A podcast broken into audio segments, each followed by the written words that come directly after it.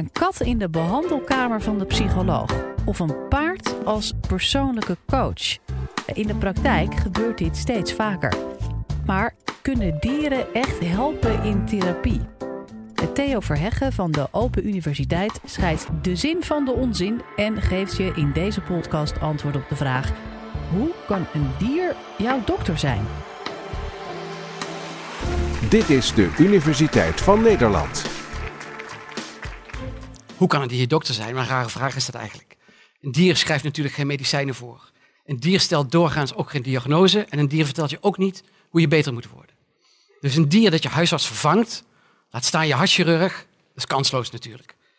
Ehm, maar een dier dat dokter voor je ziel is, een dier als psycholoog. Je gaat naar de therapeut, ligt er een hond. Je bestelt een coach en je krijgt een paard. Wie heeft daar nog nooit van gehoord? En toch gebeurt het. Tot op zekere hoogte. En het gebeurt misschien wel vaker dan jullie denken. Ik ga in dit college ehm, laten zien hoe dat zit met dieren en onze geestelijke gezondheid. En ik ga ook vertellen wat de wetenschap daarover te zeggen heeft. Maar eerst even terug naar die onvervangbare dokter en die onvervangbare hartchirurg. Want we hebben onderzoek dat laat zien dat ehm, patiënten in een ziekenhuis die contact mochten hebben met huisdieren, wel sneller genezen dan cliënten die dat contact niet mochten hebben. De bloeddruk was lager.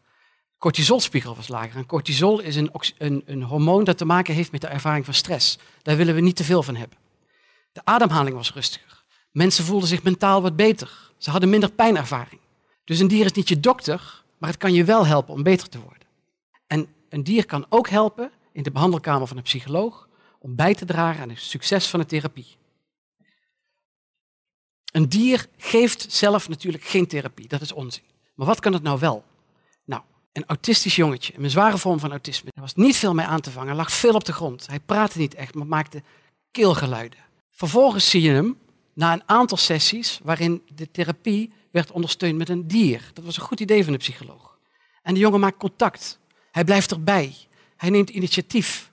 Hij vindt het leuk, maar hij kan ook een beetje communiceren over wat hij doet. De psychologen wisten niet wat er gebeurde. De ouders wisten niet wat hen overkwam. Hoe kan dat nou? Een mevrouw in een verpleegtehuis. Zolang ze in het verpleegtehuis woont, heeft de verpleging haar nog nooit horen praten. Na een aantal bezoekjes van een team met een bezoekhond, begint de mevrouw te praten tegen de hond. En na een tijdje praat ze met de verpleging over de hond. En daarna is mevrouw verbaal niet meer te stuiten. Ander verhaal, andere casuïstiek. Kinderen die het moeilijk vinden op school om te leren lezen. Het wil niet vlotten met technisch en begrijpend lezen. Maar als die kinderen mogen voorlezen aan een hond, gaan ze enorme stappen vooruit maken. Zowel begrijpend als technisch. Of ze lezen voor aan een paard. Of ze lezen voor op een paard. Docenten weten niet wat er gebeurt. Hoe kan dat? In Nederland zijn er best veel mensen die in de smiezen hebben dat er effecten te behalen zijn van dieren in therapie of in coaching. Nou is coaching niet helemaal hetzelfde als therapie, maar het, heeft er vaak wel, uh, uh, het lijkt er vaak wel heel erg op. Dus ik geef het cijfers zoals die in 2012 waren. Toen is geteld hoeveel mensen zijn hier nou professioneel mee bezig in Nederland. Toen waren het er ongeveer 550. Wij zijn nu zelf opnieuw aan het tellen. We zijn nog niet klaar. En de laatste cijfers die we hebben gekregen is, zijn er minstens 750. Misschien gaan we wel richting 1000. Misschien nog niet in 2017, maar dan misschien wel in 2020. Nou, wat gebeurt er nou tussen mens en dier in zo'n therapiesessie? Vaak is het dier alleen maar aanwezig. Of wordt het ingezet in oefeningen met de cliënt bijvoorbeeld. En vaak leidt dat bij de cliënt tot ontspanning en tot rust. En dat alleen al kan voor een therapeut heel belangrijk zijn. Probeer maar eens een cliënt te laten ontspannen, dan kan je al meer bereiken. Zo simpel kan het dus zijn. Als je cliënten vraagt, wat gebeurde er nou? Of als je een therapeut vraagt, wat zag jij nou gebeuren bij je cliënt? Dan krijg je typisch antwoorden als van een cliënt bijvoorbeeld, die zegt, ik heb het helemaal niet op psychologen, ik vind het maar eng. Maar deze psycholoog heeft een hond. Dus misschien is hij dan wel oké en ik wil het wel proberen. Of een cliënt zegt, ik vind het ongelooflijk moeilijk om met mijn therapeut te praten over mijn probleem. Het is een volwassene en ik vind praten met volwassenen nou juist zo moeilijk. Maar ik denk dat ik misschien eventueel wel mijn probleem aan Fluffy durf te vertellen. Dan heb je weer een ingang. Of iemand zegt, ik vind het werkelijk helemaal niks die therapie, maar ik vind het paard fantastisch. Dus ik kom dinsdag weer. In ieder geval voor dat paard. En als je vaker naar de therapie gaat, dan zeggen we neem therapie, trouw neemt dan toe. En therapietrouw blijkt weer een goede voorspeller te zijn voor het succes van therapie. En wat je ook vaak ziet, is dat mensen zeggen, ik wil het liefst alleen maar tegen die hond aan gaan liggen. Ik wil zo graag knuffelen, want ik heb behoefte aan warmte. Er zijn ook mensen die zoeken de verklaringen meer in het bovennatuurlijke, meer esoterisch. En die zeggen dat paard kijkt recht in mijn ziel. En het paard kan mijn ziel, die misschien al generaties geleden beschadigd is geraakt, die kan die ziel genezen.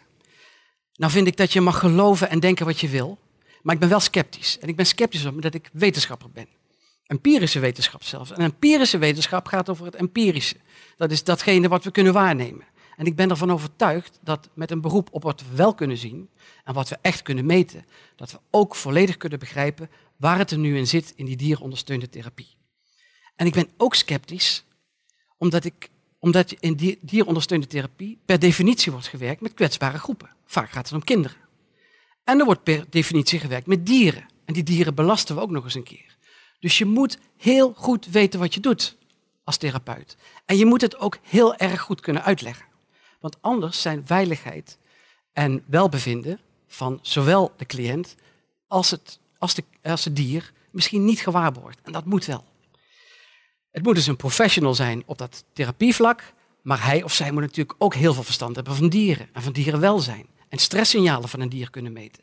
En dat is wel moeilijk. Dat kun je niet altijd zomaar. Je moet dus ook niet zomaar een paard uit de wei gaan trekken en zeggen, lijkt me hartstikke leuk om hier iets mee te gaan doen. Het is hartstikke fijn misschien als je als therapeut ziet dat een cliënt je hond aait. Denk, nou fantastisch, leuke klik. Maar als dat drie patiënten doen, of drie cliënten doen in vier uur en die hond wordt 60 keer geaaid, is dat beest dood en doodmoe. Dat moet je wel leren zien. Wat weten we nu over de effectiviteit van dierondersteunde therapie? Werkt het nou echt? Dus casussen en verhalen van hoe het zou kunnen gaan, dat zegt nog helemaal niks. In de wetenschap nemen we daar absoluut geen genoegen mee. Het moet beter, het moet ondersteund worden met onderzoek. Gelukkig hebben we onderzoek in de antrozoologie. Dat is eigenlijk het vakgebied waar ik nu over praat, de mens studie van de mens-dierrelatie. Wat we in dit soort vakken aan bewijslast als beste kunnen krijgen, is wanneer je heel veel mensen neemt die allemaal erg veel op elkaar lijken en die allemaal eenzelfde soort probleem hebben. En die hele grote groep van mensen deel je in twee en de helft daarvan, die zet je willekeurig in die twee groepen. De helft daarvan geef je therapie met een dier en de andere helft die geef je therapie zonder dier. Bijvoorbeeld een vorm van therapie die we al kenden die effectief is. En wat we dan hopen, wat we in dit geval natuurlijk hopen, is dat deze groep die therapie met het dier krijgt, het minstens net zo goed doet als die groep. En liever zelfs beter. Want dan kunnen we zeggen, dat moet dus echt door dat dier komen. Dus van deze studies, die willen wij. En nou meteen naar de kern van de zaak, die hebben we nauwelijks. Die zijn er niet zoveel. Het zijn moeilijke studies, dat zijn grote studies. En antrozoologie is een jong wetenschapsgebied. We staan pas 15 jaar internationaal wetenschappelijk op de kaart. En dat is natuurlijk geen excuus, maar we zijn nog niet zo ver. Ook al niet omdat we per definitie, net als in de psychologie, werken met kwetsbare groepen. En het is heel moeilijk om heel veel mensen, kinderen bijvoorbeeld, met eenzelfde vorm van autisme bij elkaar te krijgen. Vind er, tien vind je nog wel, twintig waarschijnlijk ook, maar vind er maar eens honderd. En als je ze hebt, zorg maar eens dat ze in je groep blijven. Ze mogen niet ziek worden, vallen ze uit onderzoek. En als je met dementerende ouderen werkt, het is wel handig als ze blijven leven tijdens je onderzoek, want anders raak je die weer kwijt. Niettemin, dat is geen excuus, we werken er hard aan om die te krijgen. Maar op dit moment is het antwoord, het eerlijke antwoord op de vraag, weten we nou zeker of dierondersteunde therapie effectief is? Nee, dat weten we op dit moment nog niet. Wordt vervolgd. We zijn wetenschappers, dus we hebben altijd vragen. En we hebben nu naast die spannende vraag van effectiviteit, die we echt graag beantwoord willen zien op termijn, stellen we alvast andere vragen. En naast de vraag naar effectiviteit is de vraag naar mechanisme interessant. Als het werkt, als al die succesverhalen ergens op gebaseerd zijn, wat dan? Wat maakt het nou? Wat is de, de werkzame stof? Ik heb al een paar simpele voorbeelden genoemd daar straks. Het heeft iets te maken met vertrouwen, het heeft iets met vaker naar de therapeut komen waarschijnlijk. Het heeft iets aan een vervulling van warmte. Maar dat zijn redelijk eenvoudig, dat hadden jullie ook nog wel kunnen verzinnen. Gelukkig, vind ik, kunnen we ook nog een slag dieper gaan verder de psyche in. En daar wil ik nog tot slot een voorbeeld van geven. Er zijn mensen, er zijn best veel mensen, die vinden het ontzettend moeilijk om zich een beetje gemakkelijk en soepel te verhouden tot andere mensen.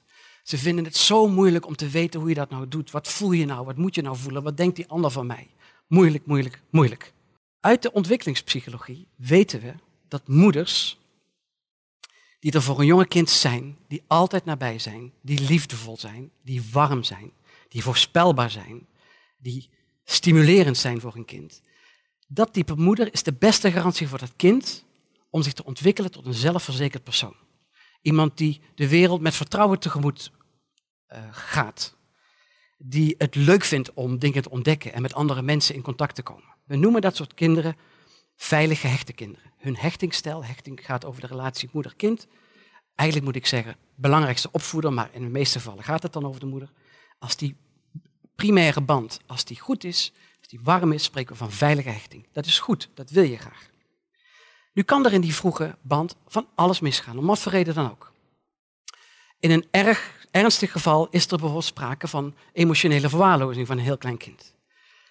Dan krijg je een ander gedragspatroon ten aanzien van nieuwe situaties of vreemdelingen. Kinderen zijn dan vermijdend, trekken zich terug bijvoorbeeld. Of ze zijn ambivalent, zoals dat heet. De ene keer maken ze wel contact, de andere keer niet. Ook niet zo handig voor je imago in de groep. Ehm, we noemen dat onveilig gehechte kinderen of een onveilige hechtingsstijl. Wat blijkt nu? Zo'n eenmaal, zo'n hechtingsstijl die eenmaal ontstaan is, is heel erg moeilijk te veranderen later in je leven. Kan wel, maar het is heel moeilijk. Dus dat betekent dat een onveilige hechtingsstijl met je moeder wordt herhaald in relaties met belangrijke anderen. Bijvoorbeeld je leraar of je partner later. Duitse onderzoekers, een team met Duitse onderzoekers en volgens mij zaten er ook Zwitsers in en ook Oostenrijkers, lieten zien dat een onveilig gehecht kind met een hond een relatie of een binding kan aangaan die juist alle kenmerken heeft van veilige hechting. Hoe kan dat? Met die hond werd er wel vertrouwen ervaren, was er wel acceptatie. Voor psychologen is dit ontzettend spannend. Want hier heb je een mogelijkheid om die destructieve cirkel van onveilige hechtingspatronen te doorbreken. Hier heb je een mogelijkheid om hem even stop te zetten en iets nieuws te gaan oefenen. Om te kijken of die veilige hechting die met die hond mogelijk was, of je die misschien ook als therapeut kan oefenen met de cliënt bij andere volwassenen. Biedt ongekende mogelijkheden. Wat gebeurt er dan bij die hond? Nou, die onderzoekers vonden ook dat als dat kind die hond aait, dat er dan oxytocine vrijkomt. In ieder geval aan de kant van het kind. En oxytocine is een hormoon waarvan we weten dat het een hele belangrijke rol speelt bij het aangaan van een warme band met je moeder bijvoorbeeld, of met een andere die nabij is. Dat biedt voor psychologen echt hele mooie mogelijkheden. Maar ik moet voorzichtig zijn, want dit fenomeen, het niet overdragen van onveilige hechting op de relatie met een dier, is pas één keer vastgesteld door de onderzoekers. Het is vastgesteld, maar pas één keer. En in de wetenschap, één keer iets weten is nog eigenlijk niks weten. We willen dat vaker weten, we willen dat gerepliceerd zien. En als dat zo blijkt, dan hebben we mogelijkheden. En dit verschijnsel past ook alvast goed bij de meest recente theorieën die we hebben over dier, het succes van dierondersteunde therapie. We denken in toenemende mate dat dierondersteunde therapie met name effectief kan zijn bij mensen die niet goed bij hun emoties kunnen. Die als het ware een muur om zich heen bouwen. Je kent de vergelijking wel. Het lijkt erop alsof het dier door die muur heen breekt. Of die muur afbreekt bij deze mensen. Meteen zijn emoties getriggerd. En we zien het heel vaak bij cliënten die, die in, een, in een bak gaan staan, heet het dan, of een wei staan, tegenover een paard. We zien heel vaak, relatief vaak, eigenlijk heel vaak, dat ze gaan huilen. Dat emoties loskomen, dat ze zich openstellen, dat ze zich overgeven. En dat is voor de therapeut een, een, een, een shortcut, een, een, een binnenweg naar waar die moet zijn. Want therapie is altijd praten, praten, praten. Maar praten is het probleem. En zeker met volwassenen. Hier ben je meteen waar het toe doet. Bij het lijf en bij de emoties. En daar kun je beginnen aan te werken. Je kunt proberen om als die emoties eenmaal loskomen, om, ze, om, ze, om de cliënt te leren voelen. Want dat is vaak het probleem. Dierondersteunde therapie kan met name daar iets betekenen. En ik wil niet zeggen dat die therapeut dat anders nooit op dat punt was gekomen. Maar misschien had hij of zij daar twaalf sessies meer voor nodig gehad. Tot slot. Dierondersteunde therapie is geen hocus pocus. Het is eigenlijk best wel goed te begrijpen. Maar wij moeten nog onderzoek doen, nog steeds meer onderzoek doen, om het beter in de vingers te krijgen. Dat is leuk, dat is spannend, dat doen we graag, daar zijn we voor. Dierondersteunde therapie is geen haarlemmerolie. Het is niet sowieso overal goed voor. Er zijn mensen die houden niet van dieren. Er zijn mensen die zijn allergisch voor dieren. Dan moet je ook geen dierondersteunde therapie erbij gaan slepen. Moet je niet doen. Dus het adagium, en ik zou willen dat ik het zelf had verzonnen, maar een goede collega van mij heeft het verzonnen. Het adagium, voor ieder pijntje een konijntje. Dat gaat dus niet op. Dat willen we niet. Hoe kan een dier je dokter zijn? Nou, dat kan niet, maar het kan, wel, het kan je wel helpen in je genezingsproces. Het kan je helpen beter worden. Ook wanneer het om psychische klachten gaat. Weten we dat echt helemaal zeker? Nee, weten we niet helemaal zeker. We hebben steeds meer aanwijzingen en steeds sterkere aanwijzingen dat er iets in zit. Weet het niet zeker. Dat komt nog. En misschien is het antwoord wel, het werkt niet. Staan we ook voor open. Dus wij willen het zeker weten, maar ook aan de dieren zijn we het verplicht. Want je moet heel goed weten onder welke condities het zinvol is en onder welke condities het niet zinvol is. Om je dier te belasten en altijd belasten binnen de grenzen van het dierenwelzijn. Om ze te belasten voor ons om beter te worden. Dank jullie wel. Dit was de Universiteit van Nederland.